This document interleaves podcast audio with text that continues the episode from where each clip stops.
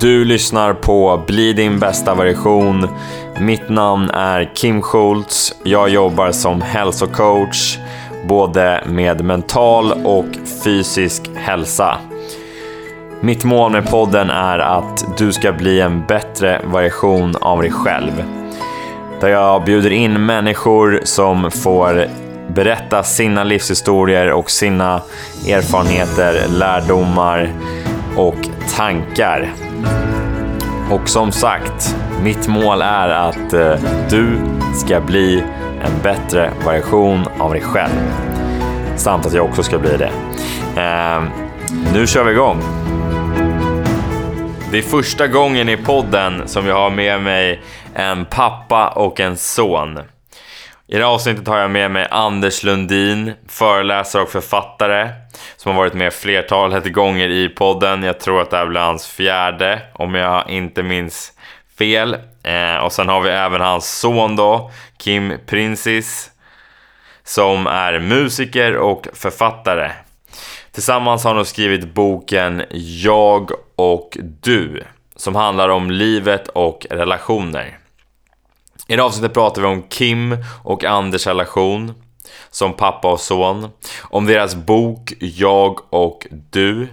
Vi pratar om hur vi kan förbättra relationer och hur vi kan bygga långsiktiga relationer. Vi kommer in på utmaningar och konflikter i relationer. Vi pratar också om kommunikation och vikten av att lyssna på den andra för att utveckla en relation. Känslor och sårbarhet är ämnen vi berör också. Det här är ett öppet, ärligt och roligt samtal om livet och relationer. Och jag tror verkligen att ni kommer gilla det här samtalet för jag tycker att det blev riktigt, riktigt bra. Utan vidare introduktion, här är Anders och Kim. Då är vi live. Jag har med mig en far och en son för första gången i podden. Välkommen Anders och välkommen Kim. Tack. Tack. Kim är ju ett jäkligt bra namn alltså. Kim är ett jävligt bra namn. Det, det är ett väldigt, väldigt bra namn. Men vi kom överens om att vi ska kalla mig Kimpa. Ja, exakt. Kimpa kallar vi dig. och mig blir det Kim då. Kimpa, Kim och och Kimpa. Kim. Ehm, ja, exakt. Hur mår ni? Om vi börjar med Anders. Hur mår du? Eh, Jag mår bra. Eh, Jag, jag tycker att det är härligt med ljuset. Jag måste få säga det. Det är vår på gång och det händer något med mig när det här ljuset kommer. Ja. Mm. Så jag mår extra bra idag. Det är kul att sitta här med dig Kim och med dig Kimpa. Hur mår du Kim?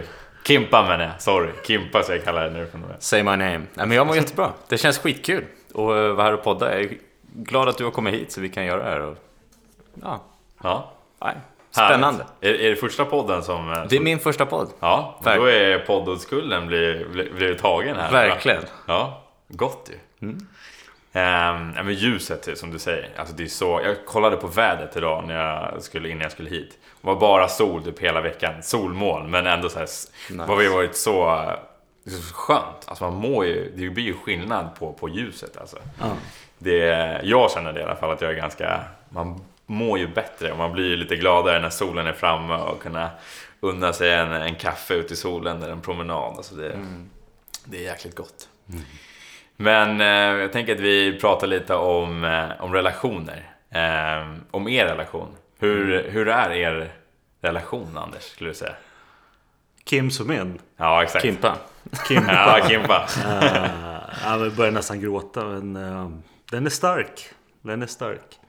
Jag, eh, jag, jag jobbar ju med massa höga chefer. Och många av dem har ju satsat på karriären och, och sådär. Eh, och det är ju ofta ett pris att man får jobba mycket.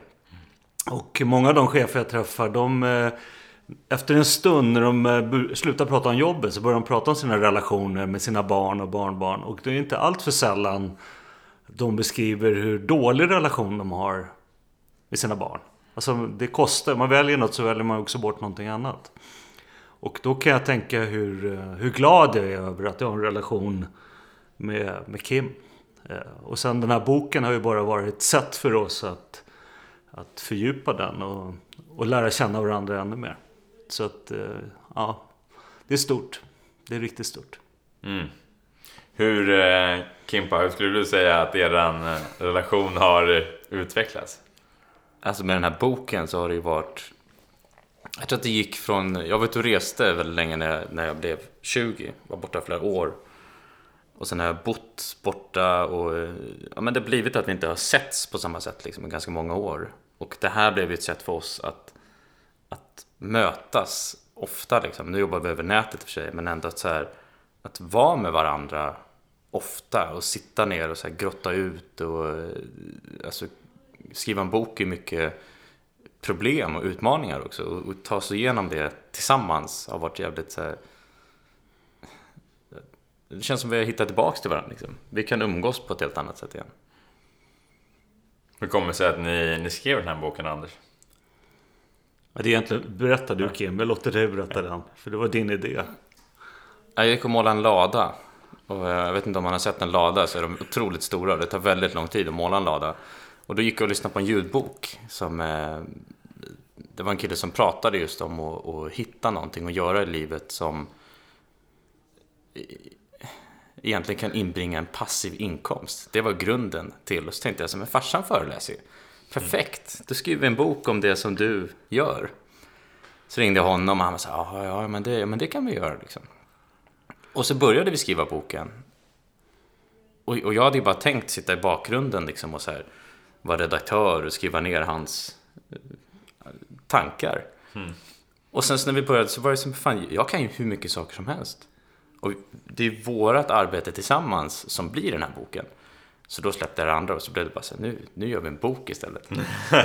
så, därifrån kom det faktiskt. Så du lyssnade på en, på en ljudbok och eh, hade det i din tanke och så, eh, så föreslog du då för, för Anders och han var klart vi kör. Ja, exakt så var det. Så så föddes liksom själva, själva boken. Vad, vad hände när ni, när ni började skriva? Du berättar lite nu om vad som hände, men vad, kan du fylla i lite Anders? Vad, vad hände liksom när, när ni skrev boken? Ja, men jag blev lite smickrad, charmad att, eh, eh, att jag skriver i bloggar och sådär. Nu ska Kim sätta ihop det i en bok. Jag blev ju smickrad av det. Ehm, och sen så upptäckte vi när vi började sortera. Hur, hur ska vi sortera den här boken egentligen? Att ehm, det var ju bra. Det var inget fel i det jag skrev. Men det fanns ju massa luckor. Det fanns ju massa saker att fylla i. Och då var det någon som sa mitt under processen. Ja men Kim är ju hälften så gammal som du är. Eh, Ja, jo, han är 30 och jag är se- 60 då liksom. Men- jag har ju aldrig varit 30 nu. Alltså Nej, när exakt. jag var 30 då fanns inte internet. Eh, Och jag, även om jag har varit 30 så har jag inte varit 30 i Kims kläder. Och han har gjort massa saker som, och kan massa saker som jag inte kan. Och det gjorde ju att det blev häftigt ehm, eh, att vara nyfiken. Så förutom att jag också fick eh, ta del av din kunskap så var det ju också ett sätt att lära känna varandra på. Alltså vad, vad är din oro? Vad är dina glädjeämnen? Vad är dina besvikelser? Vad är dina... Du vet, allt det här som är livet. Det, det, det är ju en sak det man visar på Facebook och Instagram. Men bakom där, vem, vem, vem är du? Och, och också tvärtom, vem är jag då? Förutom att vara pappa liksom. Vem, vem är du? Mm. Så det, det, var, det var stort. Så och det är ju, det, boken har ju blivit en relationsbok. Ja. Eh, Nu börjar jag nästan gråta igen. Men den har blivit så, så stark så att ehm, jag är så stolt över den här boken. Och jag är så stolt över vår relation. Jag vet inte om det var svar på frågan. men jag flummar iväg nu. Men den, den, är- den har blivit jätte, jättefin. Ja. Hur kommer det sig med namnet då? Jag och eh, du. Hur kommer det sig Kim? Jag vet faktiskt inte vart det föddes ifrån. Nej? Jag- Jag minns faktiskt inte var, var själva namnet kommer ifrån. Vi har ju ett avsnitt i boken som heter Jag och du. Och Ja. som är ja, men, populär psykologi liksom. Med, med vad, vad är jag och vad är du? Men jag, jag vet inte varför vi valde det som titel. Det minns jag faktiskt inte. När vi hade en process, det var ju liksom du och jag och alla andra och det var ju relationer. Och sen så vet jag att vi hade du och jag. Så var det en, en kompis oss som heter Lena som sa jag tycker den ska heta jag och du istället. Och då, ja, så, så, så tog vi upp det på något möte och så blev det jag och du. Men Ja. relationer är ju jag och du precis som det du och vi och, och alla andra. Och det är liksom hur, hur förhåller jag mig till andra? Och hur förhåller jag mig till mig själv? Med tanke på din, din podd också, ditt namn i podden. Ja. Bli din bästa version. Liksom, ja.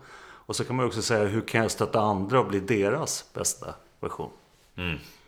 Vad vill ni, vad vill ni liksom förmedla med den här boken då? Alltså om du säger relationer, men om, man, så här, om du utvecklar det lite mer Anders, vad skulle du säga? Det, det finns ett kapitel, det finns en forskare som heter Carol Dweck. Hon har ett häftigt fenomen, det heter growth mindset. Eller fixed mindset. Och hennes, eh, en av hennes, eh, det är lite slarvigt men jag ska ändå försöka återge det. Det är att man kan, eh, det man säger är också det man hör. Som jag säger till exempel, jag kan inte finska. Då är det, det är ju sant, jag kan inte finska. Men det är också det jag hör. Och eh, om jag lever med det, jag kan inte finska, så är det ju också ett fixed mindset. Men alltså, om jag gör som Carol Dweck föreslog, som hon har visat med sin forskning, att det går att växa, vår hjärna är plastisk, den kan utvecklas. Då lägger man till två bokstäver och så säger jag så här, jag kan inte finska än. Men snart. Det betyder ju det där än, men snart. Det betyder att om jag nu skulle vilja lära mig det så finns det ju en öppning för att lära mig det. Och de där två bokstäverna tycker jag är så fina. Det betyder att jag har ingen bra relation med mina barn. Än. Än. Jag har ingen bra relation med min fru. Än. Jag är inget bra på att prata engelska. Än. Eller vad det än gör. Istället för att jag hela tiden går med det inre samtalet och berättar för mig själv olika sanningar. Som faktiskt är fördummande. Så det tycker jag är en stor grej med boken. Att ehm, fundera på hur lever våra liv och, eh, och att det går att utvecklas. Det går att få det lite bättre. Så ska du lära dig finska blir frågan då? Eller, eh, jag, jag har inte tänkt det än. jag tänkte en. kan bli så. Ja, vet jag nu. Huvudpäive. Eller Pave. Kim, vad skulle du säga så här för, för, att, det ska, för att man ska ha en bra relation? Vad, vad krävs det för att man ska få en, en bra och en långsiktig relation? Det här är en så jäkla bra fråga. Jag har tänkt jättemycket på det här. Jag tror att det största är tid. Det pratade vi mycket om när vi skrev boken. Att, att avsätta tid.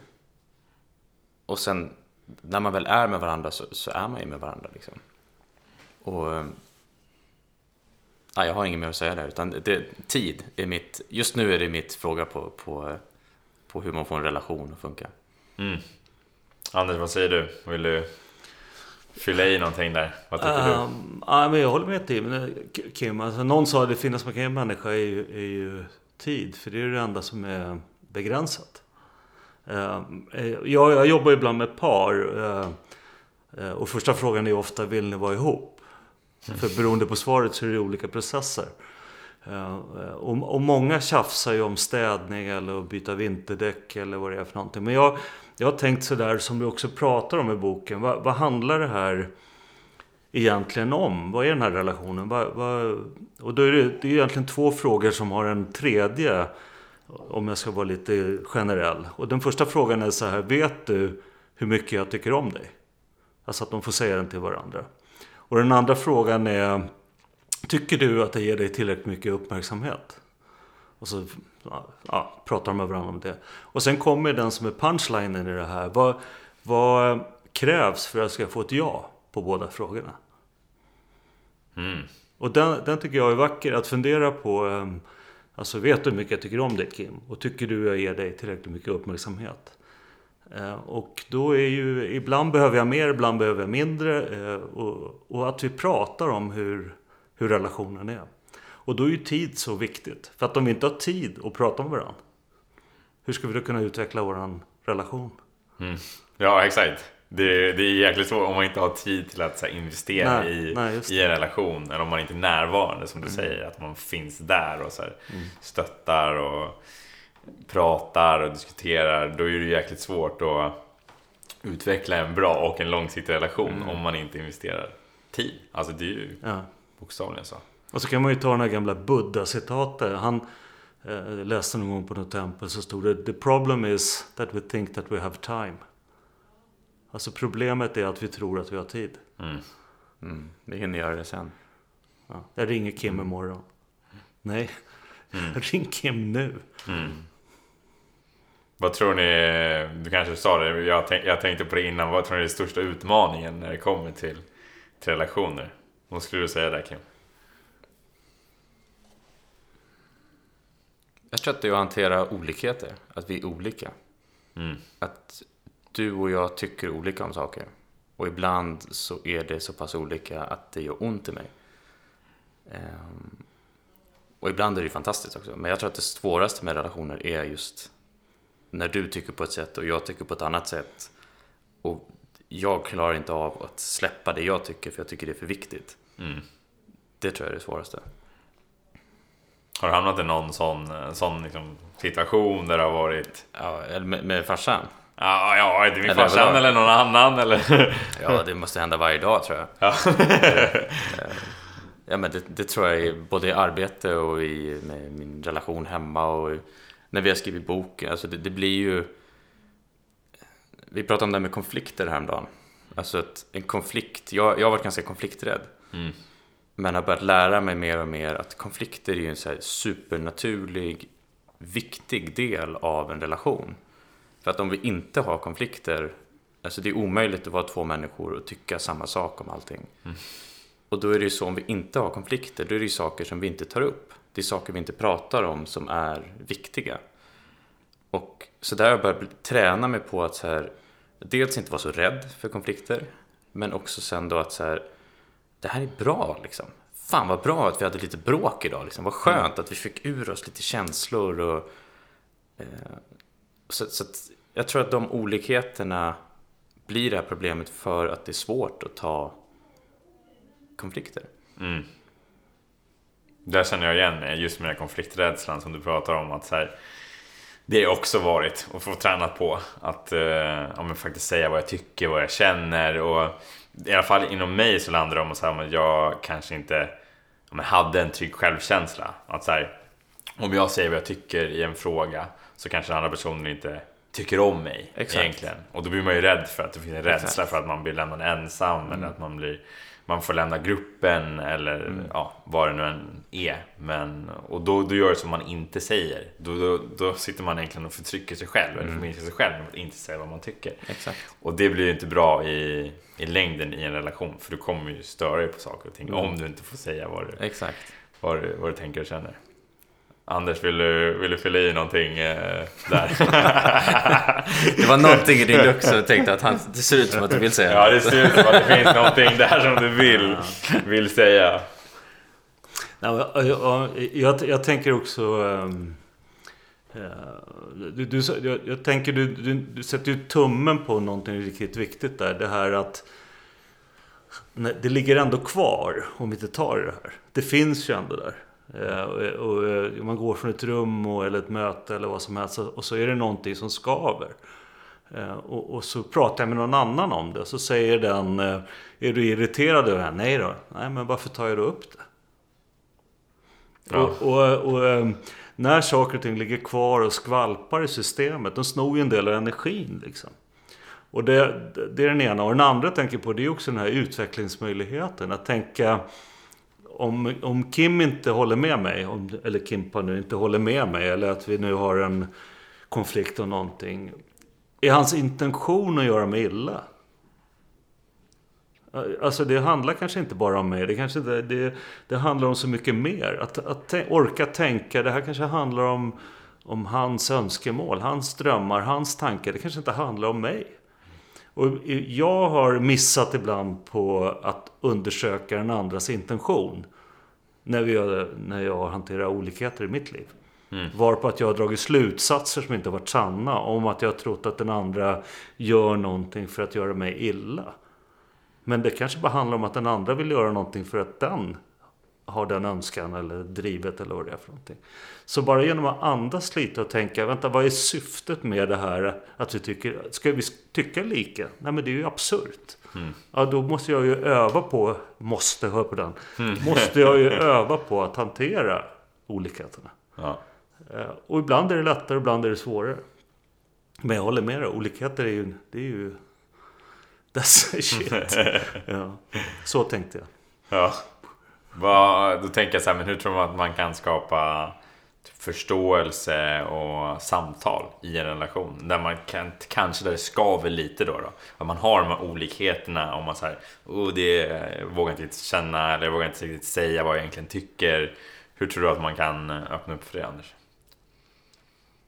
Um, vi har ett uttryck i vår bok som heter samtal om samtalet.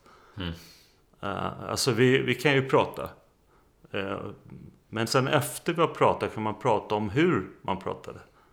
Hur var det för dig under Alltså en sak är det vi gör i samtalet, men sen prata om hur vi pratade med varandra. Um, och då vet jag ibland människor säger Oh, jag hade så bra snack med dig. Frågan är om du hade bra snack med mig. så, så liksom det här att ah, men det, det, det, här kändes inget bra. Eller det här kändes bra. Att prata om eh, den här, eh, hur skapar vi ett gott tillstånd i, i snacket. Den tror jag är så viktig. Um, och sen tänker jag också på att um, någonstans där man tränar på blir man ju bättre på. Mm. Så vad tränar vi på? Tränar vi på att kommunicera Ehm, som pappa är det ju lätt att fastna i någon roll där jag ska gå in och berätta för dig hur det funkar. Med världens största pappahjärta. Men det, det finns ju en stor risk att jag kör över. Ehm, och, och, så får Kim aldrig träna på att uttrycka sina åsikter. För jag ska hela tiden gå in och rädda eller vara en duktig eller... Eh, så ibland handlar det också om att våga vara tyst. Just det. Tystnaden som... den behöver inte vara fel den. Nej. Där den andra får kanske utforska eller få göra. Eller... Vad känner du där Kim? Det, till just det Anders säger. Jag har svårt att sammanfatta allt det du säger, faktiskt. Men jag, där, där du slutar, du slutar i tystnaden. Och den, den är någonting som jag har fått lära mig mycket i relationer. Är lyssnandet. Och det här att, att våga vänta också du, vi har kommit härifrån, vi är ganska snabba i den här familjen på att prata med varandra. Liksom. Och eh, att vänta också, att, att låt, låt, låta den andra få utrymme att finnas i. Det har varit en sån grej, att liksom backa lite, ge den andra plats och, och lyssna. Så här, jag ger dig min tid Kim, och så får du berätta vad du vill berätta och så lyssnar jag på dig. Mm. Så. Så egentligen vara närvarande och finnas där ja. och någonstans eh, lyssna. Ja, jag tror det. För det, det, jag tror att det är så lätt att hamna i att, att all, alla, men jag tror att alla människor har mycket, alltså vi, alla människor har historier att berätta liksom. Mm. Och det är så lätt att fastna i att min historia är viktigast hela tiden. Och det gör ju jag. Alltså jag pratar också mycket ibland. Mm. Men att så här, okej, okay, nu kan jag backa bakåt här och bara vara med liksom. Mm och lyssna och så kanske du får kliva fram idag. Mm. Den, är, den är viktig alltså. Lyssnarskapet. Vad tänker du kring, kring det Anders? Lyssnar... Um, jo, när du säger så här, då tänker jag faktiskt på en story som vi har med boken. Det är, jag är ju gammal lärare. Mm. Och så satt jag i ett utvecklingssamtal med en kille i årskurs 9. Mm.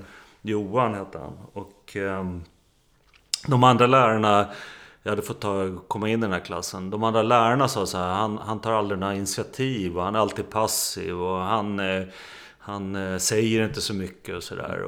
Ja, han pratade väl lite när jag satt på hand med hand. Och så sitter jag på det här utvecklingssamtalet. Och så frågar jag honom så här, eh, trivs du i skolan? Och det är mamma och pappa med. Och då svarar mamma, ja han trivs jättebra. Uh, sitter på Johan så sa jag till Johan igen, vilka ämnen tycker du är roligast? Han gillar fysik, säger farsan. Och då tittade jag på mamma och pappa och så sa jag, vänta jag, jag pratar med Johan. Och de gör ju inte det för att vara elaka. De gör ju det för att hjälpa killen.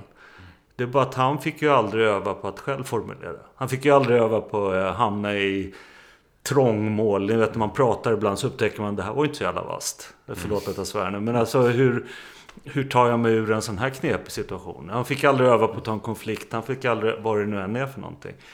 Eh, och då blir det begreppet björntjänst. Jag, jag, som förälder försöker jag skydda mina barn så mycket så att de blir passiva. Mm. Och så kan det också vara i en relation. Så kan det också vara kompisar mm. emellan. Det är alltid någon som du sa som kliver in och ska berätta för hur alla andra mår här inne. Eller som de sa på åldringsvården, nu går vi och kissar. Alltså om jag ska vara extrem. Ja men vänta. vä- Nu i det här rummet mår alla dåligt. Eller eh, vänta, är det du som mår dåligt eller? När jag blir självuppnämnd talesman för alla andra människor i ett rum. Mm. Då är det kanske situationen så att jag ska lyssna på de andra och kolla. Är, är det någon annan här in, inne som också mår dåligt? Och inte uttala mig om alla andra människor. Mm. Så tänkte jag. Mm. Jag tänker också att man har två öron och en mun. Så det, det kanske ligger kanske borde lyssna mer, jag vet inte. Ja. Det finns ju stora munnar också. Ja, exakt. Det finns ju stora mun också. Ta kanske större än... Men det, det är någonting du måste träna mycket på när du poddar. Mm. Att lyssna. Du måste vara otroligt van att lyssna. I alla fall i poddsammanhangen. Mm. Jag skulle nog säga att det är det också i andra sammanhang också. Ja. Eh, jag tror det kommer ganska så naturligt för mig. Men det är klart att jag behöver, alltså, har väl tränat på det. Men jag, jag tror jag har en naturlig fallenhet för, för att lyssna. Eh, men speciellt när man poddar och så. Då är jag mest intresserad av gästerna eller gästen. Så nu vill jag att den ska, att jag ska förstå den och lyssna på den. Så det, ja, det, jag tycker att det är väldigt viktigt. Jag tror, jag tror generellt det är så här, som relationer som vi pratar om. Att lyssna och ställa frågor.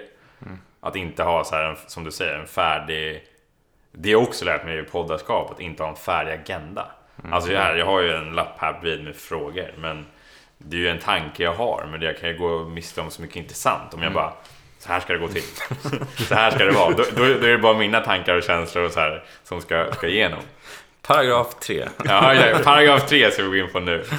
Det tycker inte jag i alla fall. Alltså, samma tycker jag också när, när man har, eh, alltså man träffar, när man pratar med folk eller relationer att det inte finns det är klart man har någon tanke vad man kanske vill ha, men jag, behöver, jag är inte fixerad vid att det här ska vi prata om, eller det här ska vi göra idag. Utan jag är mer gillar att vara öppen.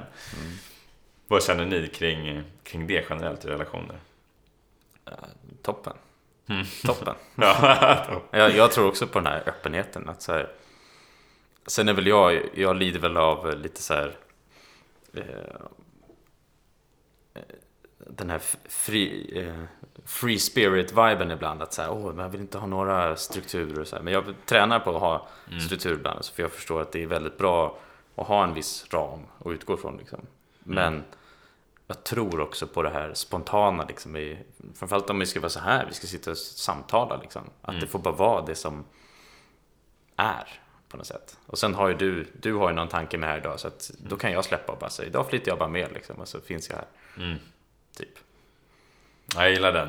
The free spirit. Att man eh, någonstans, ja, men det är det som jag tycker är intressant. Det skapas ju ett samtal då. Ja. Att man, man skapar under tiden utan man har en förutfattad mening. Det är så mycket intressant som man kan gå, gå miste om. Mm. Eh, du tänkte någonting där. Jag såg att du tänkte någonting. jag såg det där. Ja, det var- Såg det Anders. På, på vilket sätt såg du det? Ja, alltså, blicken upp och det var någonting som poppade i huvudet där. Ja. Eh, nej men jag passar på den. Jag, du får ställa nästa fråga. Ja, Det blir en föreläsning i sådana fall. ja okej.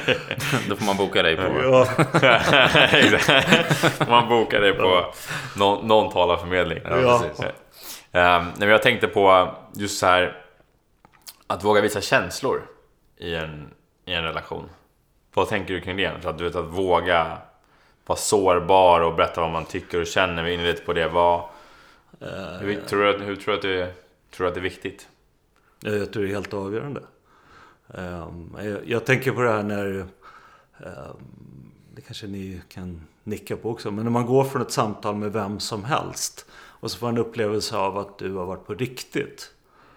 Uh, än att jag går från någon som eh, spelar någon slags teater. Då, då har jag en annan känsla när jag går från det samtalet. Och eh, med tanke på tid. Alltså hur... Eh, problemet är att vi tror att vi har tid, sa ju Buddha någon gång. Och då tänker jag så här, ja, vi har ju inte hur mycket tid som helst. Och hur viktigt det blir då att de gånger vi har samtal, sen kan man prata om väder och vind, det är helt okej. Men att de gånger vi pratar om någonting som är viktigt, att det också blir på riktigt, som det så väl fint heter. Och då, då är ju en del av det, av alla känslor vi har, är ju negativa. En del är mörka, en del är, ibland är jag svartsjuk, ibland är jag avundsjuk, ibland är jag sårad, ibland är jag liten, ibland gråter jag. Precis som att jag skrattar och har kul. Och jag, livet är ju alla, alla nyanser och alla färger. Och då tror jag att de gånger och de människor jag uppskattar det är de som visar hela paletten. Visar alla, alla nyanser.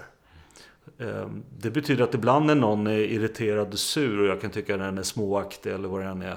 Så kan jag med lite distans till det tycka vad härligt att jag fick se ditt riktiga jag. Mm. Alltså man kan ju fundera på vem, vem visar jag? När håller jag färgen? När liksom, mm. Och när visar jag min, eh, som du sa Kim, sårbarhet? Mm. Vem vågar jag? Vem ringer jag när jag mår piss liksom? Ja men den, vi har ju med Brené Brown i boken. Mm. Han hör du säkert, eh, hon är fantastisk tycker jag. Power of vulnerability. Ja, mm. hon är toppen, jag älskar henne. Och hon, vi har ett citat av henne som heter sårbarhet i mig, sårbarhet i mig är, är fult eller dåligt och sårbarhet i dig är en styrka. Alltså att när någon annan kommer till mig och delar med sig av något jobbigt så är jag så shit, fan vad modig du är liksom.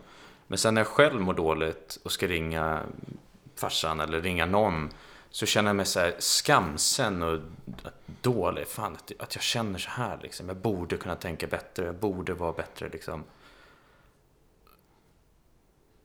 Ja. Mm.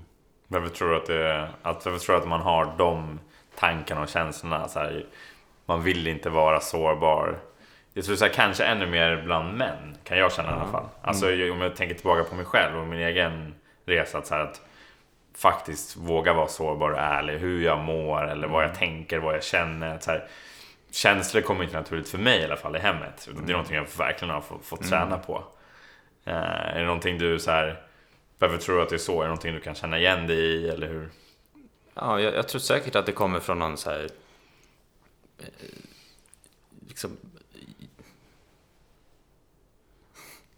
Ja, jag tror att det finns en, en eh, social grej av det från, från historien. Liksom. Mm. I att män ska vara på ett visst sätt. Jag tror att det, samma, finns samma för kvinnor också på, i vissa former. Liksom. Mm. Men jag, jag, tror också det, det är bara den här svagheten. Du pratade innan om det här man blir utstött i gruppen.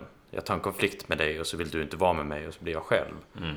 Att om jag är liksom emotionellt instabil så är jag kanske inte en... Eh, jag kanske tänker att jag inte är en värdig gruppmedlem. För alla andra, de har sin shit together liksom. Men jag går runt här och gråter, är så arg eller jag blir så skamsen hela tiden. Så att om jag visar det så kommer inte de vilja vara med mig. Mm. Medan det kanske egentligen är så att alla, eller antagligen är så att alla känner sig arga ibland. Alla känner sig ledsna ibland. Alla känner sig skamsna ibland. Men ingen vågar visa det.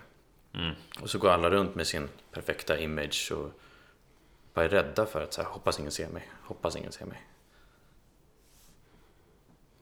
Mm, sätter på sig en, en mask någonstans eller liksom ja. någon typ av um, Ja det är intressant. Mm. Det är som du säger, var, alltså, var på riktigt. Det är lite samma, samma grej. Att här, mm. våga vara den man är och uttrycka de känslorna. Uh, det, det är så intressant att vi har svårt för att för att göra det. Speciellt män tycker jag att så här, vi har svårt att faktiskt öppna upp och visa vem vi är på riktigt. Mm. Vilket är så, är så fel alltså att faktiskt våga vara den man är. Alltså, mm. det, är ju, det är det man borde göra men samtidigt så har vi samhället någonstans byggt upp den här att det, mm. uh, det är liksom det det är jobbigt eller det är fel att visa känslor. Men jag tycker att det är precis tvärtom. Alltså, mm. Sen jag vågade öppna upp mig och liksom berätta vem jag är, vad jag tycker och vad jag känner. Då känner jag att här, det har fått mig att må bättre. Ja. Mm. Så sårbarhet tycker jag har... Det är ju välmående. I alla fall i, i min mening så är det ja, verkligen så att ja. det, det, är ett välmående att vara sårbar, att vara ärlig. Mm. Vad man tänker och vad man känner. Och se den där glansen på ögonen. Den är fin. Ja. Vet du, jag, jag, jag, tänkte på en grej när ni pratade om det här. Jag slog faktiskt upp en sida i boken nu. Ja. Är det okej att läsa en kort grej? Absolut. Med tanke på det här med ärlighet och på riktigt. Den här heter Tårtan. En mormor bakar samma tårta varje jul. År efter år. Ingen tycker om tårtan. Alla äter för att vara snälla mot mormor. Mormor tycker inte om att baka tårtan. Mormor bakar tårtan för att alla äter tårtan. År efter år står den där. Ingen säger något. Ja. Byt, byt ut mormor och byt ut tårtan. Till helst. relationer, till vad som helst. Vi, när vi gör saker utan att kolla egentligen varför vi gör saker. Mm. Eh, Jag gör någonting och det finns inget elakt i det. Jag äter tårtan bildligt talat för att göra dig glad. Fast jag tycker inte om tårtan. Eh, Och då de gånger när, när vi står upp och berättar att eh, eh, jag förstår att du har bakat tårta men jag gillar egentligen inte tårta. Nej. Så riskerar ju jag att den andra blir ledsen. Mm. Men jag kan också tänka de människor som billigt talat har gjort så mot mig. Vilken respekt jag får för dem. Och dessutom så slipper jag hålla på och baka tårta. Om det får vara en metafor för vad som helst. Mm. Det där nejet är ju så spännande. Våra, min fru Marianne, eller din mamma Marre, hon har ju en jättefin som är lätt att berätta om, men det är ett fint verktyg. Det är ju det här att om jag håller upp handen mot dig, Kim i det här fallet, nu ser inte ni som lyssnar, men så står det ju nej på den sidan mot dig. Vill du det här? Nej. Mm. Men på andra sidan handen, som jag ser själv, så står det ju ja. Hur menar du då? Jag, jag säger ju nej till dig. Jag vill inte äta tårta. Men jag säger Ja. också ja till mig själv. Att jag gör det jag själv står för. Ah. Eh, och då tänker jag de gånger i livet. Eh, ibland får jag göra något för din skull. Eh, men vad händer med mig över tid om jag alltid gör något för någon annan människas skull? När gör jag något för min skull? Och inte utifrån egoism. Utan utifrån att faktiskt vara tydlig med vad jag tycker om och inte tycker om. Mm.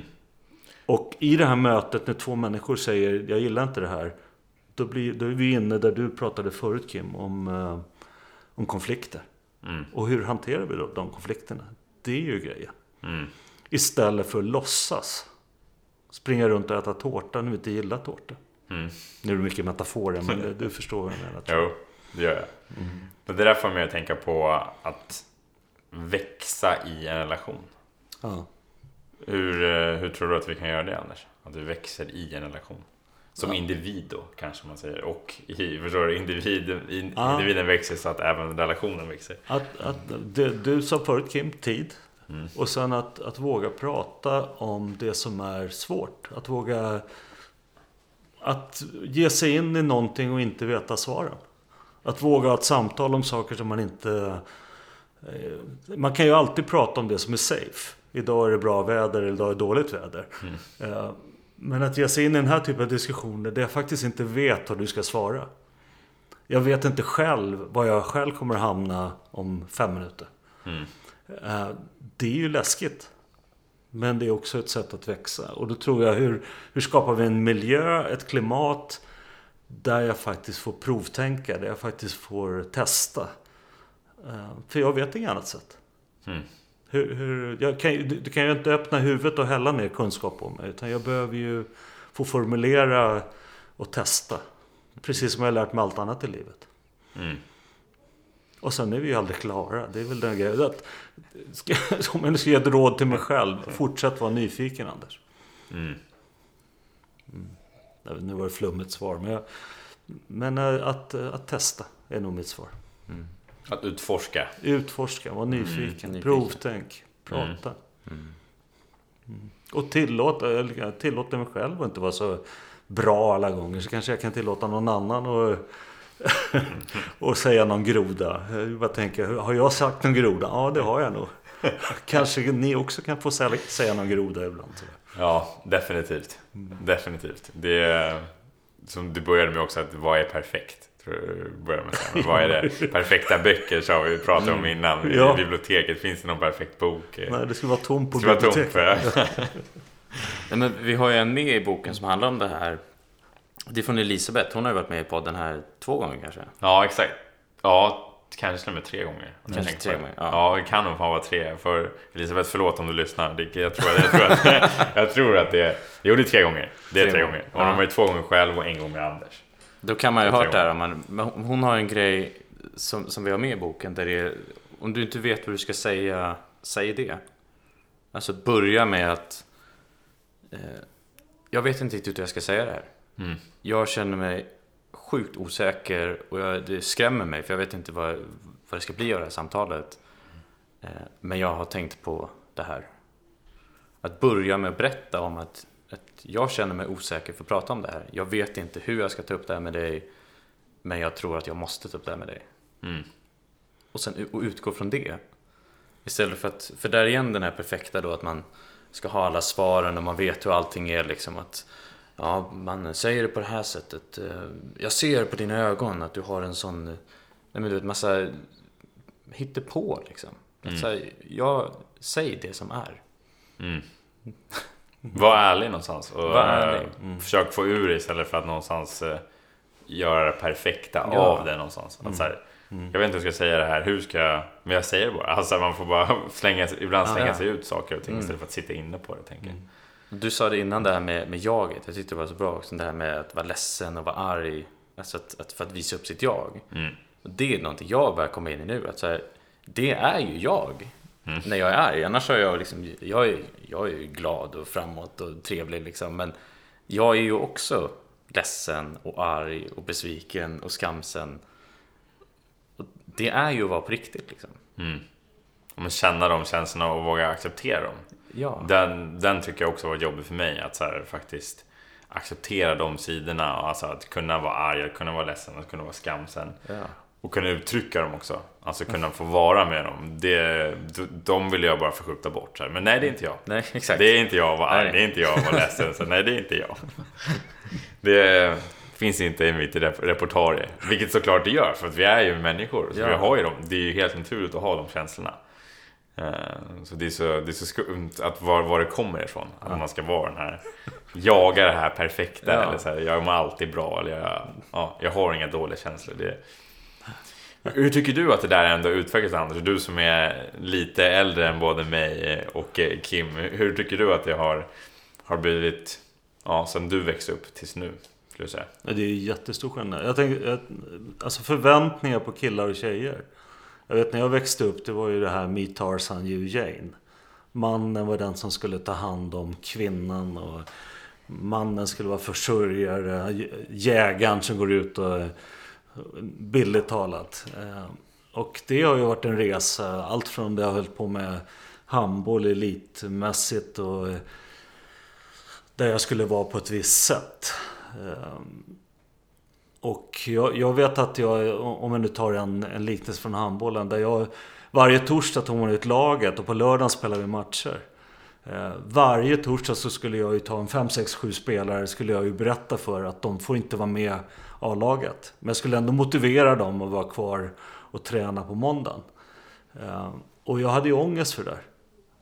Och jag tänkte, det är bara jag som är, är svag och... För jag skulle ju säga till dig, du har tränat hela veckan men du är inte tillräckligt bra för att åka med oss i A-laget. För du får spela B-laget. Ehm, är det bara jag som tänker så här? Och sen så kommer jag ihåg att jag är på en tränarutbildning och så är det en, ehm, en annan tränare i en av de bästa klubbarna i Sverige som tar upp det här dilemmat. Alltså jag höll ju på att ramla igenom backen av glädje över att någon annan hade samma. Och sen upptäckte jag att alla ledare har ju, om de inte är sjuka, annars gillar jag det, då är jag ju nästan psykopat liksom. Det är ju en ångest att göra andra människor ledsna. Mm. Men den här rollen av att jag ska vara den här som eh, Stålmannen på något sätt. Det är ju bara en myt. Och där måste jag säga att den, den resan jag, jag har gjort eh, och, och kanske kommer på när jag var 40 eh, och sitter där jag sitter idag. Eh, Men, men det hade ju varit skönt att få eh, någon som hade hjälpt mig tidigare med den här. Därför kan jag tycka när jag sitter och lyssnar på er nu eh, att det är häftigt. För jag tror att ni, eh, om ni nu får barn eller ni kommer att träffa barn så kommer ni att kunna förmedla en annan bild än den bilden som, som jag fick till mig. Och det här återigen med plastisk hjärna, det går ju att utvecklas. Mm. Ja, exakt. Vi är alltid Ja. benägna till att förändra oss. Om man vill, så att säga. Ja, eller hur? Jag har inte lärt mig det En, än. exakt. En ja, det, det där är ett bra ord alltså. Ja, är, eller två bokstäver. Bra. Två bokstäver kan, jag- kan göra skillnad. Ja, det gör ju det. det, gör det. Jag vet inte om det var svar på frågan, men att det här... eh, Vi behöver ibland fundera på, ungefär som mormor med tårtan där. Eh, Vad är, vad är det som gör att jag lever i den här rollen? Vad är det som gör att jag förväntas mig, förväntar mig själv eller andra förväntar sig om mig att jag ska göra på ett visst sätt? Eh, För vems skull, återigen? Och då kanske det handlar om att bli ärligare med sig själv. Mm. Hur tror du att vi kan bli ärligare mot oss själva? Genom att reflektera, genom att prata med varandra. Genom att eh, faktiskt eh, våga utsättas för sårbarhet och säga jag är eh, Björn, Björn Nattiko, en, en, en god kompis, gick ju bort här nu i tyvärr i, eh, i januari. Mm. Och han har ju ett fint uttryck som vi också har med i boken. Jag kan ha fel, jag kan ha fel, jag kan ha fel. Den är ju intressant. Att man... Den tycker jag är väldigt intressant. Att våga ha fel. Att man inte alltid behöver veta. Nej. Vi är så jävla benägna att alltid vilja veta. Alltså, Ja. men det, jag, undrar, jag undrar- egentligen varför man vill. Men det är ju en säkerhet tänker jag när jag bara så säger det själv. Att det är en säkerhet att vilja veta. Men jag tror att det är bra att ha ett sånt, ett sånt tänk. Att hela tiden vara förändlig och säga men jag kan ha fel, jag kan ha fel. Det här stämmer inte. Det stämde kanske igår, eller stämde idag men det kanske inte stämmer imorgon. Nej. Kan det hänt någonting, tänker jag. kan det hänt några nya grejer som, som har dykt upp. Ehm, psykologisk trygghet vet jag att du pratar ganska mycket om Anders. Och det Ja. nämner ni också i, i boken. Eh, hur, hur tror du att man kan bygga psykologisk trygghet i en relation? Det är ju det jag varit inne på innan också. Vi, vi pratat mycket om det. Jag, jag gillar att ställa den här frågan. eh, Har du suttit i ett rum någon gång och fått känslan av att du är den enda i rummet som inte förstår? Det verkar som alla andra fattar. Mm. Har du suttit i ett rum någon gång och ehm, haft en idé? Men jag säger ingenting för tänk om de andra börjar skratta. Eller har jag varit i en situation, eller du som lyssnar varit i en situation där det är någon som gör någonting som är helt utanför det vi har bestämt. Fast jag har inte sagt ifrån. Och då om vi tar det här och flyttar det till en relation också.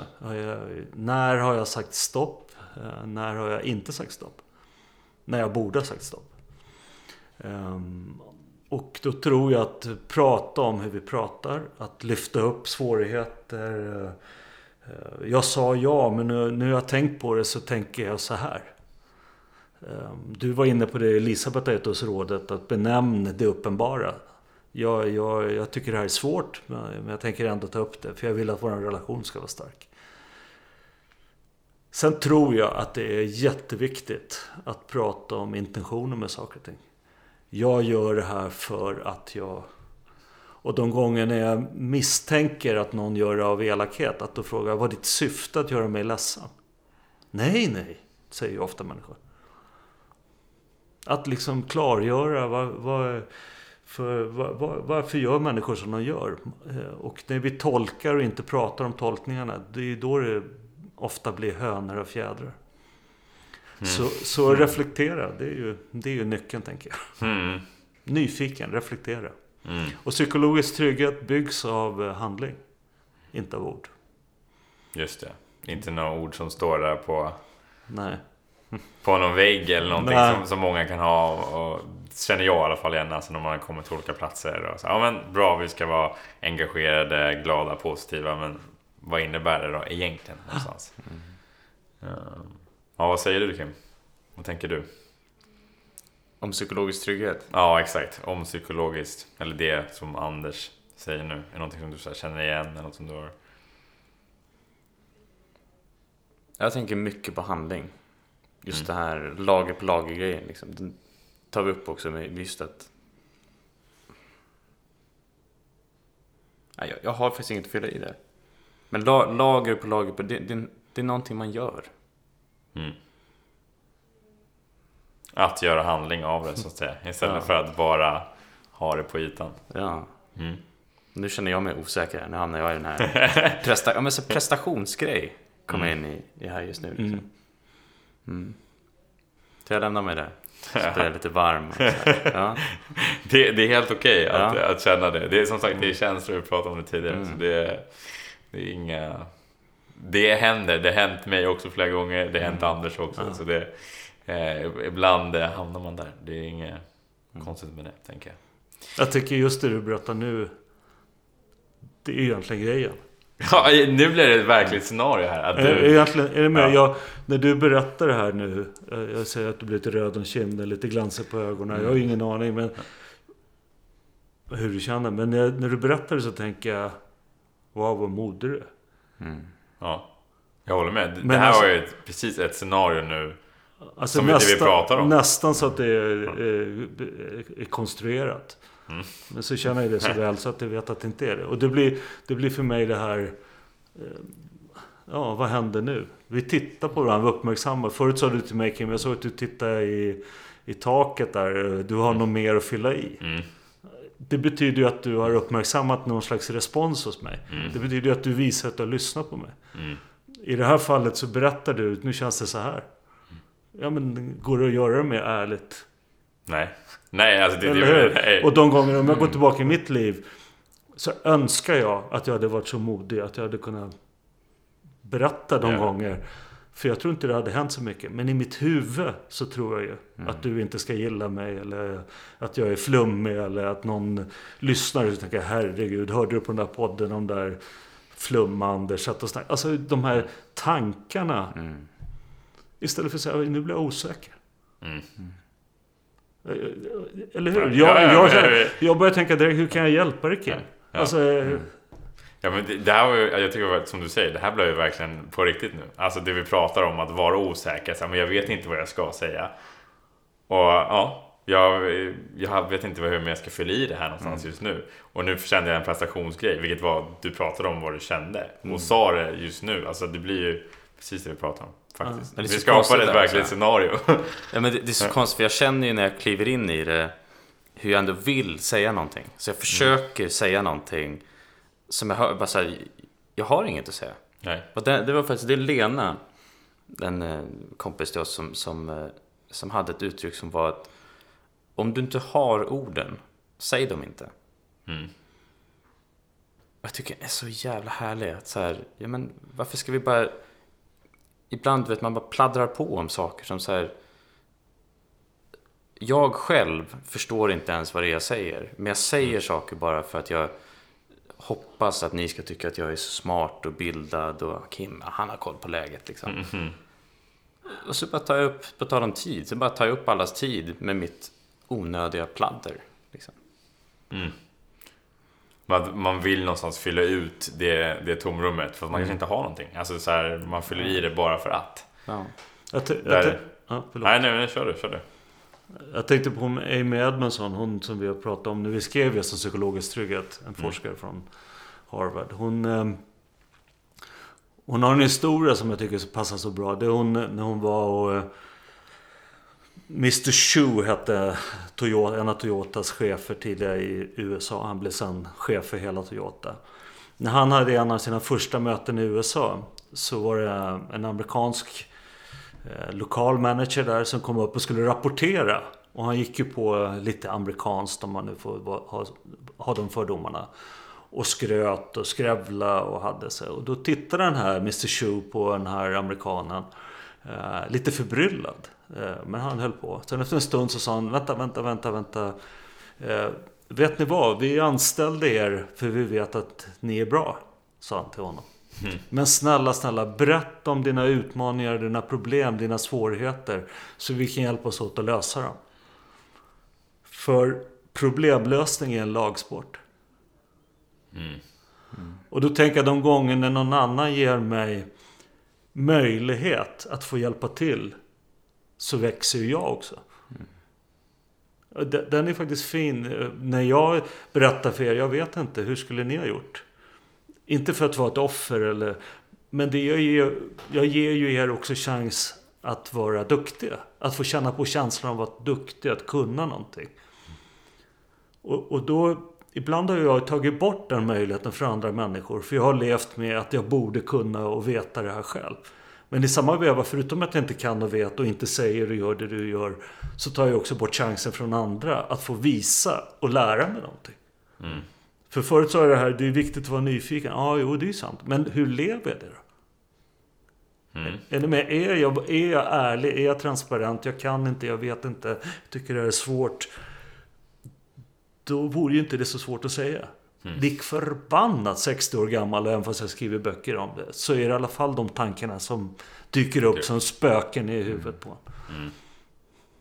Ja. Jag tror jag, jag känner igen det också. Alltså så här, det, man hamnar i osäkerheter och tankar och... Ja men så här, vem är jag att sitta och göra den här podden? Det har hänt. Alltså så här, det finns ju många andra grejer också. Är jag tillräcklig? Ser jag bra ut? Alltså, det, sådana tankar som man har. Alltså som alla går igenom, tror jag. Det kan jag alltså, tänka mig jag hade hamnat i om jag hade varit i dina skor och träffat alla stora, fascinerande, häftiga människor som har gjort så mycket grejer. Och sitta där och säga, vem är jag och sitta och prata med dig? Den tanken, det hade vi lite i början på boken också. Var det så, vem är jag och har någon åsikt om den här boken? Du farsan har jobbat med föreläsning i alla år och kan så mycket saker. Vem, vem är jag att komma och tycka någonting? Det här har ju du alla svar på. Och det var ju den processen som blev så stor för både dig och mig att kliva in sen och så här, ja men det finns otroligt mycket saker som jag också kan och som jag behöver stå för. Men hur svårt det är ibland när du, du har en eh, sanningar som, du, som jag har vuxit upp med. Att säga, men vet du farsan, det där tycker faktiskt inte jag. Jag tycker du, du, för, du berättar för länge eller du har för mycket svåra ord eller du har.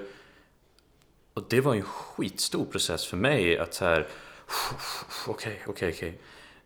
Säg det här nu Kim, liksom. Säg det här. Jag tycker, jag fattar inte, jag hänger inte med, eller jag tycker det här är svårt, eller... Vi kan ju berätta om den där med... Alltså Kim frågade mig, då då hade vi skrivit i, i, i tio månader eller något sånt där på boken. Och, och, så, och så började vi prata, vad handlar den här om egentligen? ja, och så började jag och drog igång du vet, mitt föreläsartugg. Och så sa Kim, det är för svårt. Ja, så berättade jag lite till, nej det är för långt. Nu blev jag nästan irriterad, men vad fan. Och så fortsatte vi, nej det är för långt, det är för svårt, det är för krångligt, det är för svåra ord. Kan det... För vi har ju verkligen kämpat med att förenkla boken. Och till sist så kommer, vad handlar boken om? Och så kommer den, det är lätt att klättra i träd, sa apan till fisken. Så den är jävligt cool. Det är lätt att klättra i träd, sa apan till fisken. Ja, det... Ja men det handlar boken om. För att det är ju så lätt att ge råd utifrån sina egna... Mina erfarenheter. Ja. Men Kim är musiker. Du flyttar, vi börjar prata musik i den här podden. Då Mm. kanske jag ska vara tyst. Börjar vi prata handboll, då kanske jag ska ta mycket plats. Ja. Så när ska jag kliva in och när ska jag inte kliva in? Mm. Och om vi då pratar relation, du sa olikheter. Ja men vi har ju då den metaforen för allting. Musik, handboll. Mm. Alla, alla har ju sina olikheter. Och alla har ju sina kvaliteter och begränsningar. Ja, verkligen. Man har ju sina olika både intressen och, eh, och olika kunskaper och olika saker. Och som du säger, det, då kanske man inte ska ta plats när man känner så okej men det här är inte min expertisområde. Då kanske ska jag låta någon annan. Farsan snackar handboll, Kim snackar musik. Det är ju det är logiskt. Ja, men jag vet en gång när Marianne, min, min fru, hon var med och tittade på en handbollsmatch. Och så förlorade vi. Och sen efteråt, och hon kan ju ingenting om handboll egentligen. Alltså hon kunde ju säga så här, sjuan var snygg. Jag frågade om hon tyckte om matchen. Men så sa hon så här, eh, varför skjuter de inte? Ja, man. Det, Ja, men och det, analysen är ju helt klockren. För jag höll ju på med spelsystem. Men hon tyckte bara de höll på att passa runt bollen. Varför Ja. skjuter de inte? Nej, varför skjuter de inte? Det är precis det det handlar om. Så jag vet att träningen efter så tog jag upp det. Vet du vad min fru sa? Hon undrar varför inte ni skjuter. hon kan ingenting om handboll. Men det visade sig att hon kunde jäkligt mycket utifrån den lilla ramen hon hade med sig. Ja. Ja, man måste ju skjuta för att göra mål. Ja. annars är det svårt. Varför skjuter de inte? Nej, just det. ja, just det. Jag ska kolla på en videofilm till. Nej, de skjuter ju inte. Ja, men och det där har ju varit något som vi har gjort med boken också. Ja. Som har varit, för du har ju varit så inne i det här och det har blivit så komplex ibland. För att du är så otroligt insatt i det du gör. Och det har ju varit, min stora nyckel med boken har ju varit att så här, vi måste göra det här enklare. Det här tror inte jag att en människa som inte är insatt i de här ämnena förstår.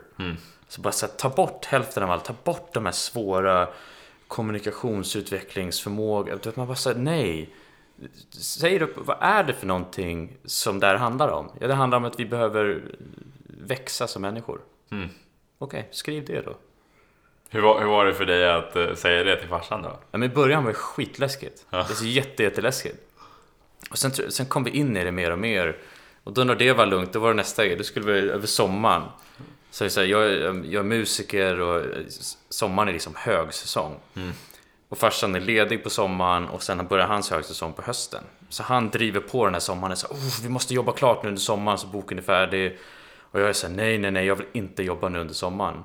Och att ta upp det till farsan då, så bara så här, shit, han kommer ju tycka jag är världens lataste människa och han kommer inte vilja göra klart boken med mig. Och då, började, då använde jag faktiskt Elisabeths grej, den här att Vet du farsan, jag känner mig så jävla osäker för att säga det här, men jag vill ha ledigt från boken hela sommaren. Mm. Och så pratade vi om det, och sen så kom det ner till en sån grej. Eh, Men det här har hjälpt mig i resten av mitt liv också, att här, sätta gränser och så här, nej det, det här är för mycket liksom, stopp. Det, det är inte mitt ansvar att ringa de här kunderna. Det är inte mitt, min grej att ta de här mejlen. Det är ditt jobb liksom. Mm. Så att faktiskt våga sätta gränser och kunna säga ifrån eller säga nej någonstans. Ja, Mm. Hur var det för dig då Anders? att ta emot det? Nej men jag...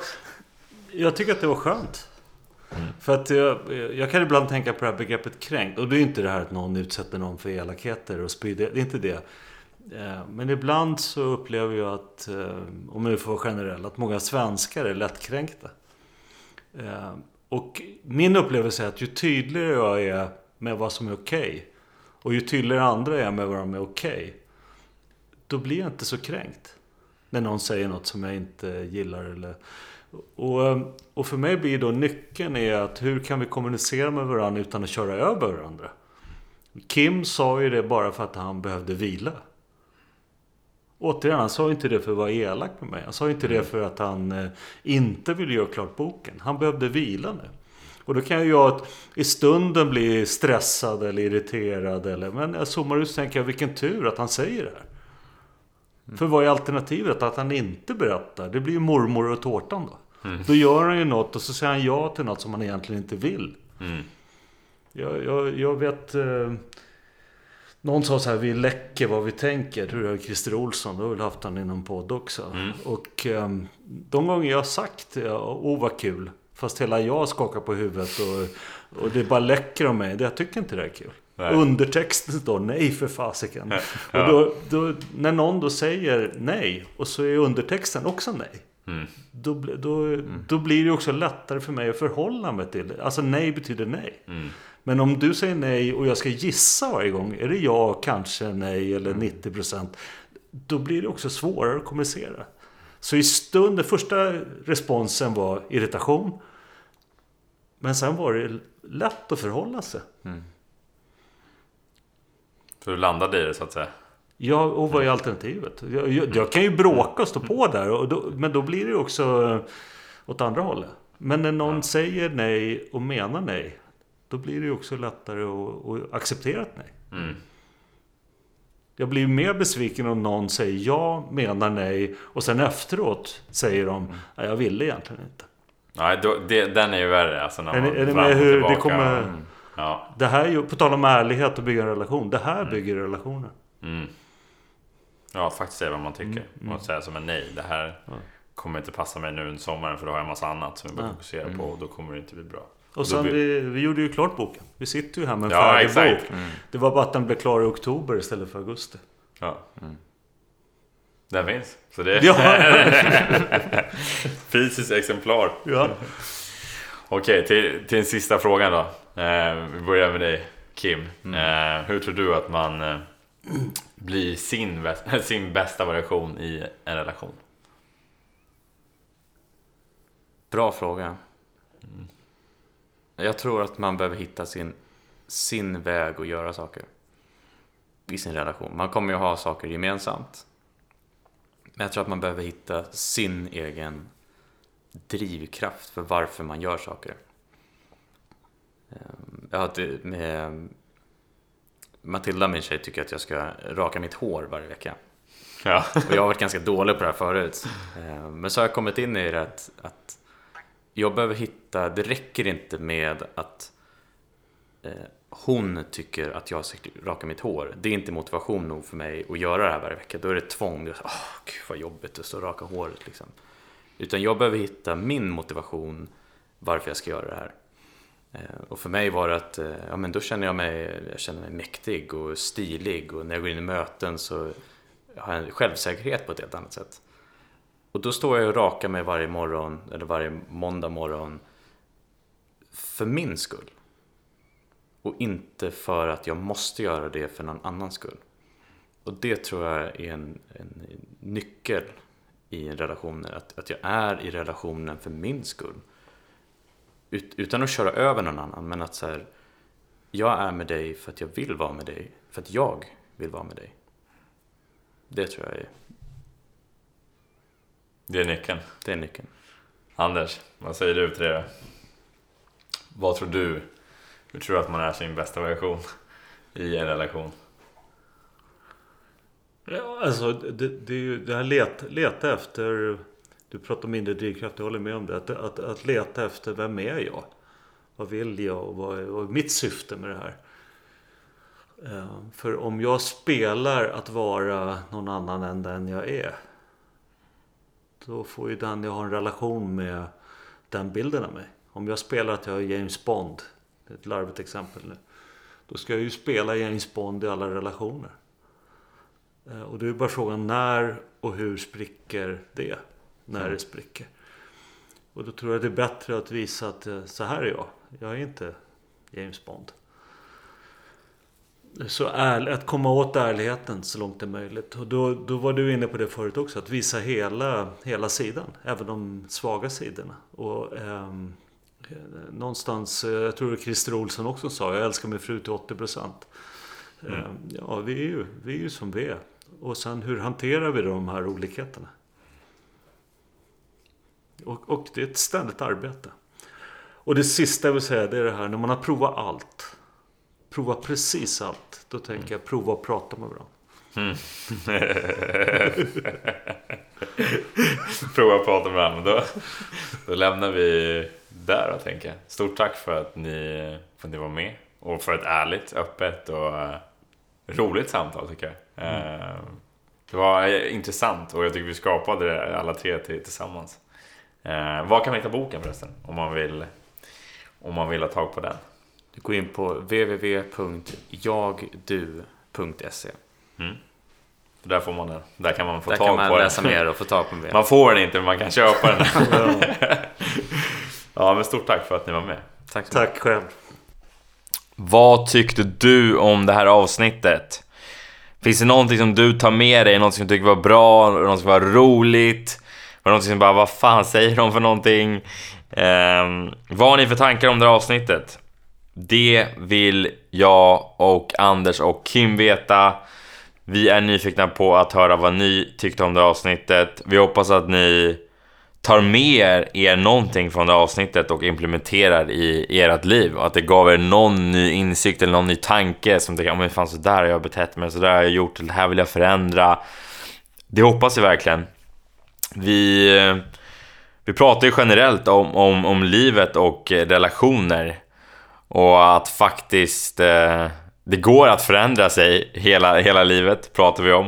Eh, det går att lära sig och det är okej att, eh, att faktiskt ha, att ha fel och att tycka olika i relationer och att eh, prova att prata och att vara ärlig och öppna och inte ha någon fasad och sätta på någon, någon mask och att faktiskt vara på riktigt. Och att det det är utmaningar och det är konflikter men det är där någonstans när det skaver lite grann, det är då vi kommer utvecklas. Sen behöver det inte alltid vara men att man inte undviker det för då kommer du att förminska dig själv om du gör det under en längre period. Jag tycker att det kommer, jag tycker att det här samtalet blev riktigt, riktigt bra. Att vi, det är ett öppet, det är ett ärligt, det är ett roligt samtal som jag säger i introt. Men det kommer fram många bra saker, precis som de jag säger. Eh, också som, som känslor och sårbarhet, att, att faktiskt våga vara sig själv och att uttrycka det man tänker och det man känner. Och att eh, investera tid pratar vi också om, hur viktigt det är i, i relationer och det håller jag verkligen, verkligen med om. Men som sagt, eh, för att sluta babbla alldeles för mycket om, om, eh, om det här. Eh, vi är jätteintresserade av att höra vad ni tyckte om det här. Vad tar ni med er? Eh, dessutom hittar ni Anders och Kims bok på jag, eh, jagochdu.se. Så om ni vill läsa hela deras bok så hittar ni den där. Hoppas att ni har en bra vecka. Eh, ta hand om er själva. Se till att bli en bättre version av er. Eh, hej!